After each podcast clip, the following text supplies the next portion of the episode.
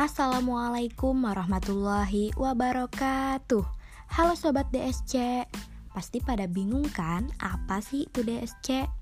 Jadi DSC sendiri merupakan singkatan dari Dentistry Science Club Nah, DSC ini ialah salah satu badan semi otonom atau organisasi kemahasiswaan milik Fakultas Kedokteran Gigi Universitas Lambung Mangkurat. Tujuan DSC membuat podcast ini ialah untuk mengedukasi para sobat DSC mengenai masalah kesehatan gigi dan mulut. Semoga podcast ini dapat bermanfaat bagi kita semua. See you next time, guys.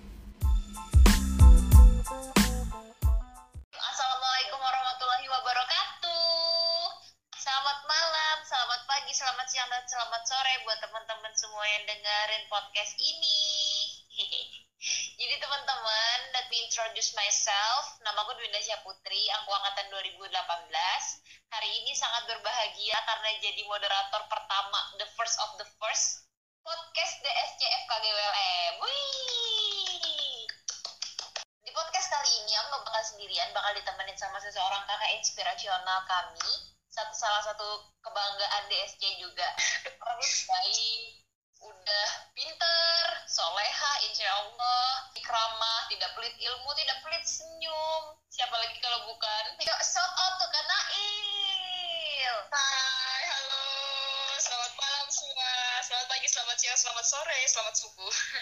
Alhamdulillah. Oke okay, jadi karena Il, di episode malam ini kita tuh bakal ngebahas beberapa hal yang berkaitan sama yang jadi highlightnya 2020 yaitu si coronavirus. Nah, gara-gara coronavirus ini tiga bulan kan Nail ngapain aja di rumah? Sebenernya banyak sih yang dilakuin. Tapi awal-awal itu kayak bener-bener masa transisi kan dari kuliah tiba-tiba nggak ngelakuin apa-apa. Jadi kayak bingung gitu loh. Terus banyak perubahannya terus berusaha untuk memaksimalkan produktivitas gitu ya dengan menikmati kualitas yang bersama kantor tercinta gitu ya kak benar sekali jadi karena Il insya Allah malam ini bakal jadi malam yang sangat berharga dan ini adalah suatu jejak histori karena kita berdua kan Il kita berdua akan menorehkan dan kita akan melahirkan atau menternakkan satu podcast yang bertemakan tentang coronavirus kan Nail. Masya Allah, mantap mantap mantap. Tepuk tangan dulu dong. Iya. Yeah.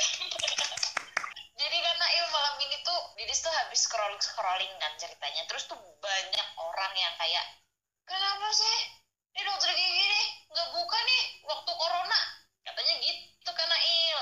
Jadi hmm. kemarin ada yang ngeluh katanya sakit nggak bisa tidur segala macam nggak bisa ini ngerti makanan minum panas ini gara-gara gigi tapi nggak bisa ke dokter gigi kan Nail oke okay. nah jadi malam ini tuh insya Allah kita berdua aku dan Kanail bakal meluruskan satu hal untuk menjawab gundah gulana ini Kanail jadi kita berdua ini dikasih suatu hidangan dan kudapan yang akan membahas tentang seberapa penting atau seberapa skala prioritasnya seseorang tuh jadi boleh gitu loh karena ke dokter gigi. Oke. Okay.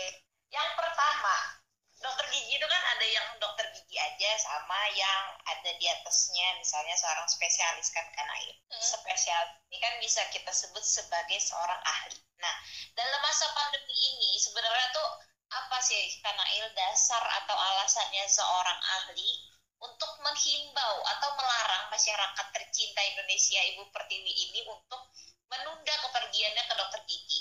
Oke, bahasanya luar biasa sekali nih Dis. Iya.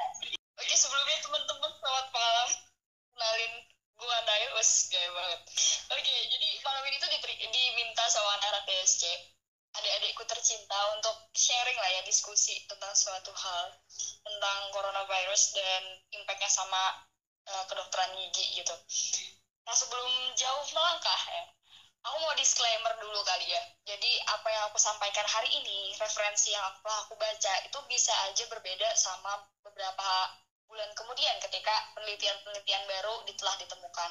Karena ilmu kedokteran gigi, ilmu apa pun itu kan sifatnya progresif dan terus dinamis. Maksudnya terus ada hal-hal baru yang akan dipelajari di dan akan ditemukan ya gitu jadi nggak bisa satu ilmu ini harus kayak gini gini gini nah karena perubahan itu makanya kalau ada perbedaan di kemudian hari atau pendapat yang berselisih di kemudian hari mari kita diskusikan oke sekian disclaimernya langsung ke jawaban dari pertanyaannya Didis alasan para ahli gitu ya kenapa menghimbau masyarakat untuk menunda ke dokter gigi oke alasan yang sangat mendasar itu karena perawatan gigi dan mulut dia memerlukan prosedur face to face, maksudnya bertemu secara langsung kepada pasien gitu ya, secara normalnya. Dan prosedur perawatannya itu sendiri juga memerlukan uh, tindakan yang berisiko tinggi untuk penularan COVID-19. Nah, makanya uh, para ahli menghimbau para dokter gigi untuk menunda atau menutup praktiknya gitu dan menghimbau kepada masyarakat untuk menunda ke dokter gigi. Gitu sih dis. Dari status keparahan itu sebenarnya kan Nails. Mm kondisi separah atau sedarurat apa yang diperbolehkan untuk orang pergi ke dokter gigi kan Nail oke sedarurat apa ya? Oke aku jawab ya Dis jadi berdasarkan referensi yang dibaca ya untuk kondisi kayak pandemi kayak gini sebenarnya yang akan dilakukan perawatan atau tindakan prosedur kesehatan kedokteran gigi itu adalah tingkat emergensi gitu. Jadi ketika urgent banget dan emergensi banget itu baru dilakukan tindakan gitu. Contoh kasusnya kayak gini. Ketika ada orang kecelakaan terus menyebabkan fraktur maksilofacial. Nah, itu menyebabkan ketidakstabilan kan. Nah, ketika fraktur maksilofacialnya ini dapat membahayakan terutama pada jalur pernafasan, nah itu sangat diperlukan tindakan emergensi gitu. Tapi yang melakukan perawatan atau tindakan uh, prosedurnya itu bukan dokter gigi umum, tetapi seorang spesialis. Contohnya kayak bedah mulut kayak gitu. Terus habis itu juga untuk uh, penyakit infeksi bakteri yang menyebar di jaringan lunak. Nah ini juga bisa nyebabin uh, atau membahayakan pada jaluran pernafasan, jalur pernafasan kayak gitu sih.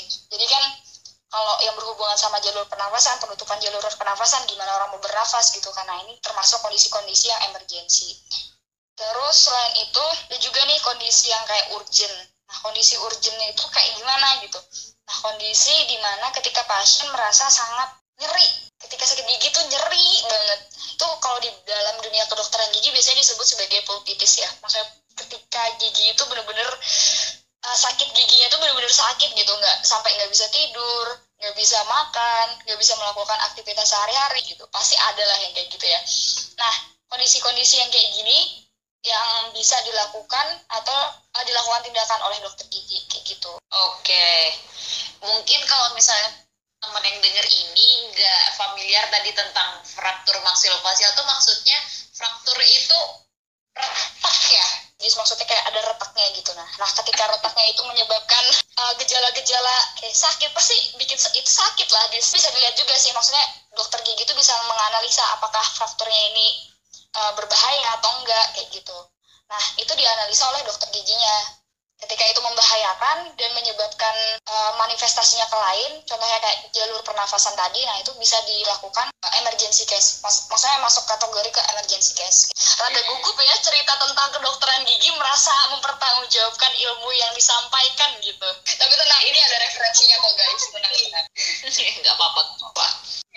Jadi tadi tentang yang kalau misalnya sudah penyakitnya ini berkorelasi ke sistem yang sebelahnya nih. Misalnya kan dari kita makan eh dari rongga mulut kita kan berkorelasi sama pernafasan dan itu nggak bisa ketolong dengan ngobatin di rumah.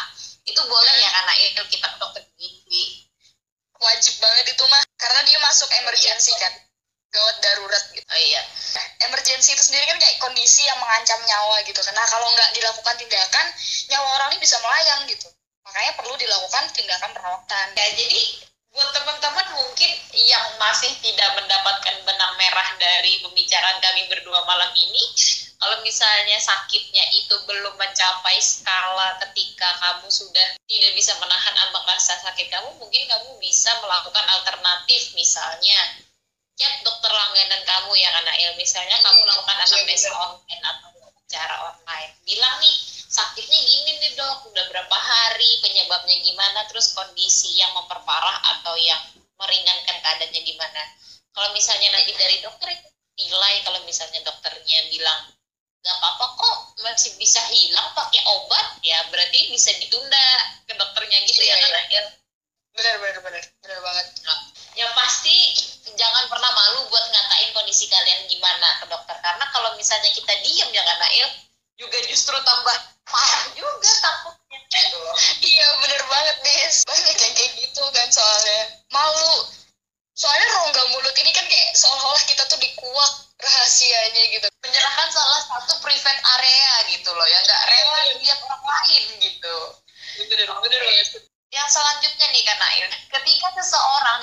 diputuskan nih Nail dari hasil anamnesa nih misalnya sama dokternya oh iya nih boleh kok kamu ke praktek nah aturan prakteknya itu Kak Nail yang dikeluarkan PDGI di dokter gigi itu di tengah masa pandemi itu gimana sih Kak Nail aturannya Jadi PDGI, mungkin ada yang nggak tahu PDGI ya. PDGI itu merupakan Persatuan Dokter Gigi Indonesia. Nah, PDGI ini yang biasanya ngatur tentang prosedur atau aturan, iya ya, namanya juga atur ya. Ada prosedur yang dikeluarkan pada PDGI, itu hal pertama yang dilakukan oleh eh, dokter gigi adalah screening sesuai dengan prosedur. Jadi screening dulu nih, pasiennya ini bisa dirawat beneran atau enggak? Kan kalau pa- pandemi nih dilihat dulu. Jangan-jangan pasiennya kena covid jangan-jangan pasiennya ini banyak apa sih kayak kecurigaan-kecurigaan gitu. Nah dokter gigi screening dulu ngelihat ketika kasus pasiennya ini enggak terkonfirmasi covid-19 maka dilihat lagi tuh pasiennya itu ada gejala-gejalanya enggak dan ketika dicek enggak ada kasus dan gejala terus tidak ada tidak ada suspek, maksudnya tidak dicurigai. Nah, maka ada beberapa treatment yang dilakukan. Itu bisa bisa dilakukan eh, sebagai masuk ke kategori treatment emergency sama urgent. Nah, lalu untuk yang kasus yang tidak terkonfirmasi, ada juga yang maksudnya jadi ada pasien nih datang, kasusnya tidak terkonfirmasi COVID-19, tapi dia memiliki eh, simptomatik, maksudnya gejala dan dia tersuspek ada kayak punya riwayat penyakit sistemik. Nah, ini hanya boleh dilakukan perawatan melalui apabila pasien tersebut men- mengalami emergency case kayak gitu. Terus ada juga yang screening di bagian kasus terkonfirmasi co- COVID-19 ini terbagi menjadi dua lagi. Dia tuh ketika aktif penyakitnya lagi aktif-aktifnya gitu. Ketika masih belum sembuh, masih fase perawatan itu treatment yang hanya boleh dilakukan adalah treatment emergency case. Dan itu pun harus dikoordinasikan dengan dokter yang menangani pasien tersebut. Ada juga yang setelah pasien tersebut terkonfirmasi COVID-19, nah pasien tersebut nih udah sembuh. Jadi ketika pasiennya udah sembuh, itu dilihat lagi setelah 30 hari eh, setelah penyembuhan, maka pasiennya itu dapat dilakukan treatment emergency case sama urgent kayak gitu. Itu yang pertama itu bagian screening dilihat dulu. Jadi masuknya kategori mana nih pasiennya COVID-19 yang terkonfirmasi atau enggak gitu. Kalau terkonfirmasi apa dulu nih dia masuknya kategori mana lagi gitu. Udah sembuh atau nah itu ada ada masing-masingnya. Nah setelah di screening baru kita ngeliat nih kalau emang dia terkonfirmasi COVID dan ada gejala-gejala COVID baru kita rujuk pasien tersebut ke rumah sakit yang bersangkutan. Setelah itu eh, PDGI juga mengeluarkan aturan untuk menunda tindakan atau keluhan yang sifatnya tuh nggak terlalu penting gitu. Contohnya kayak estetik treatment atau perawatan estetik. Contohnya kayak veneer, veneer gigi. Nah itu kan masa pandemi kayak gini nggak butuh-butuh banget ya. Terus habis itu kayak bleaching, kurang lebih ya sama veneer. Dan usahakan juga untuk menunda prosedur yang melibatkan scaling, terus melibatkan pemboran kayak restoratif gigi ya ya usahain ditunda terlebih dahulu dan diperbaiki dental dental health-nya. Jadi kayak sikat gigi secara teratur kayak gitu. Terus habis itu untuk prosedurnya lainnya adalah APD lengkap. Jadi diwajibin banget buat para dokter gigi atau praktisi dokter gigi apabila menangani uh, pasien di kala pandemi itu pakai masker N95 karena masker N95 itu punya empat lapisan di mana dia tuh bisa menangkal aerosol itu tuh udah aman gitu loh ketika kita melakukan tindakan kepada pasien. Tapi nggak cuma pakai masker doang ya tapi APD yang lain jadi pakai. Butuh juga kayak pelindung muka terus habis itu cuci tangan. Nah ini wajib banget ya pas datang. Terus habis itu ketika mau masuk nah itu penting banget. Terus habis itu ketika udah mau nangani pasien tuh minimal 15 detik sebelum kita melakukan perawatan itu pasien disuruh kumur pakai povidone iodin sekitar 0,23 persen. Terus habis itu diusahain untuk melakukan treatment yang minim invasif terus habis itu juga kayak menghasilkan aerosol. Contohnya kayak tadi ya yang kayak melakukan bur scaler itu kalau bisa nggak usah dilakuin gitu. Dihindari lah. Terus juga menggunakan peralatan yang disposable atau single use instrument. Ini tuh gunanya untuk mengurangi uh, apa sih silang kontaminasi silang. Jadi antara pasien pasien satu ke pasien yang lain. Dan yang paling penting itu ada disinfeksi di area klinik itu penting banget. Terus habis itu kontrol pembuangan limbah. Nah itu. Itu sih dis. Panjang lebar kali tinggi ya lumayan ya aturan. Masya allah dis. Ini jangan-jangan kata orang udah banget di kedokteran amat ini bahas. Gitu. Didis yakin kalau misalnya cuman keperluan kayak scaling atau segala macam tuh kan pasti perlu dan butuh dokter gigi. Cuman demi kebaikan dan kemaslahatan umat mendingan kita ambil yang terbaik aja lah ya ditunda aja dulu kali ya kayak kalau iya. belum jangan lupa di samping itu mentang-mentang di rumah aja terus nggak keluar ke mana-mana gak ada agenda terus malah sikat gigi jangan sampai nauzubillah zalik gitu ya saya yang terakhir nih kan Nail. Sebenarnya apa sih yang kan Nail harus dipersiapkan oleh dokter gigi saat menerima pasien saat masa pandemi seperti ini? Ya tentunya ini ya. Pertama sih mental sih dis. Kayak gimana sih takut juga kan ya maksudnya ketika pasien yang datang ternyata covid kan nggak tahu ya mungkin mental terus baru APD gitu. Kayak masker terus habis itu pakai rubber dam sih bis ini belum dijelasin oh, rubber dam iya. terus ya habis itu kayak make ngasih tahu pasien buat uh, pakai povidone iodine kayak kumur-kumur pakai povidone iodine kayak gitu gitu sih dis. Udah dijelasin deh ini kayaknya dis tadi. Iya iya. Oke deh sudah sampai di penghujung podcast yang aku lumayan sedih sih. Teman-teman yang udah dengerin podcast ini, aku dan Kanail berterima kasih banyak. Eh tapi sebelumnya Kanail closing dulu dong, kasih-kasih yang manis dulu lah Kanail. Oke, okay. buat teman-teman bagi yang ngerasa ada masalah di rongga mulutnya, silahkan chat temen uh, relasi-relasi kalian anak-anak kedokteran gigi, anak koas atau dokter gigi itu sendiri. Karena kita nggak akan pelit ilmu sih, maksudnya kita tuh justru seneng ya ketika ada orang lain yang anggap kita wah dia ini anak kedokteran gigi kayak aku tanya deh sama dia gitu kan. Kita tuh semakin uh, terdorong untuk belajar hal baru dan itu bikin seneng sih. Pesan aku karena ini lagi pandemi ya gak usah nyeleneh-nyeleneh apa kata ahli kalau memang nggak terlalu urgent buat ke dokter gigi ya udah nggak usah guys. Mending di rumah aja dan apabila masih bisa dilakukan alternatif lain ya udah lakukan alternatif itu. Dan jangan lupa rawat gigi kalian. Sikat gigi dua kali sehari minimal dua kali sehari sebelum tidur. Dan setelah makan minimal 30 menit setelah makan ya sikat gigi pagi. Gitu sih.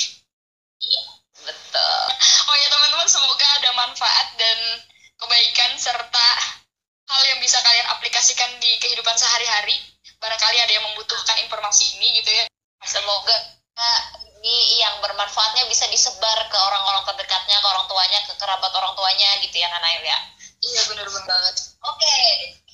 Guys, jadi ini udah jadi di end of the podcast in this first episode dengan aku dan Kanail. Semoga kalian terhibur. Mohon maaf kalau misalnya bercandaan dan kami dan tindak tanduk kami ada yang kurang berkenan di hati kalian. Semoga di next episode kita bakal request sesuatu yang not boring, even something yang new. Pokoknya kalau kalian pengen atau ada ide-ide yang lain, kami terbuka dengan lebar kritik dan sarannya. Silahkan drop aja di komen atau di DM DSC. Silahkan nanti akan kami kaji dan mungkin kami akan bikin episode-episode yang lain. Saya Dewi Dasya Putri dan cara yang sangat informatif. Laila Siri Ariati, undur diri. Dadah. Assalamualaikum warahmatullahi wabarakatuh.